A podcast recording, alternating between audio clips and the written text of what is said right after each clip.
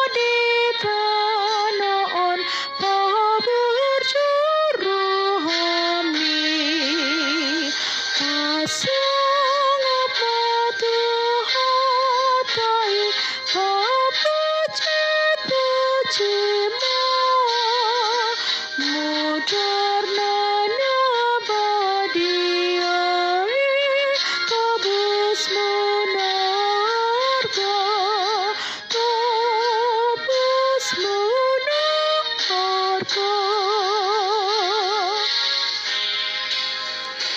Ikuti Yesus selalu. Dia tanggung sama Selama ada nafasmu Tunut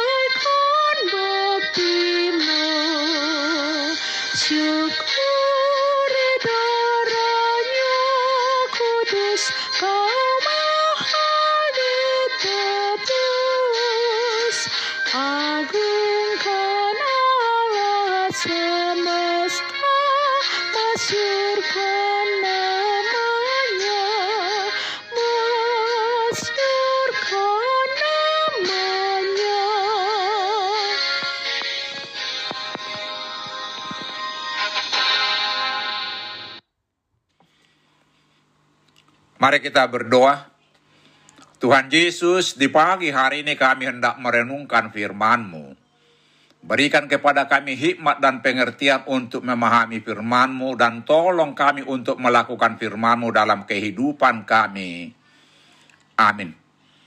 Saudara-saudara yang dikasihi Tuhan Yesus, firman Tuhan untuk kita renungkan di pagi hari ini Terambil dari Amsal 15 ayat 23 dengan tema Perkatakanlah perkataan yang tepat demikian firman Tuhan. Seseorang bersuka cita karena jawaban yang diberikannya dan alangkah baiknya perkataan yang tepat pada waktunya. Pernahkah kita menyesali perkataan yang sudah kita ucapkan? Orang bijak akan berpikir lebih dahulu sebelum berkata-kata, supaya ia tidak menyesali perkataannya yang sebelumnya tidak perlu untuk diucapkan.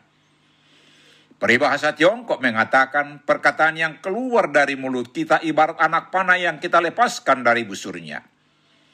Jika yang kita lepaskan adalah perkataan yang menyakiti orang lain, maka sekalipun kita sudah meminta maaf, bekasnya masih terasa tanpa kita sadari perkataan yang menyinggung harga diri seseorang, misalnya ejekan atau julukan yang tidak pantas, dapat mengakibatkan luka batin dan berdampak besar bagi perkembangan mental atau psikologis seseorang, dan itu tentu saja dapat meretakkan tali persaudaraan dan atau persahabatan.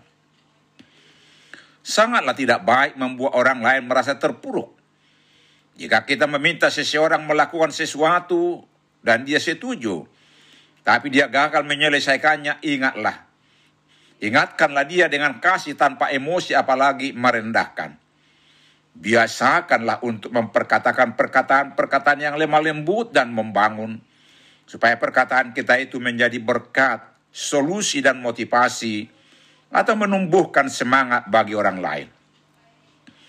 Saudara-saudara yang dikasihi Tuhan Yesus, Seberapa seringkah kita mengucapkan perkataan yang menjadi berkat bagi orang lain? Sejauh manakah perkataan kita itu sudah membangun dan menjadi berkat bagi mereka? Bagaimana perasaan kita ketika melihat buah dari perkataan kita dapat membuat seseorang merasa sejahtera? Hari ini firman Tuhan mengingatkan kita untuk memperkatakan perkataan yang tepat pada waktunya. Karena hal ini akan membuat suasana persaudaraan menjadi menyenangkan dan penuh kebahagiaan.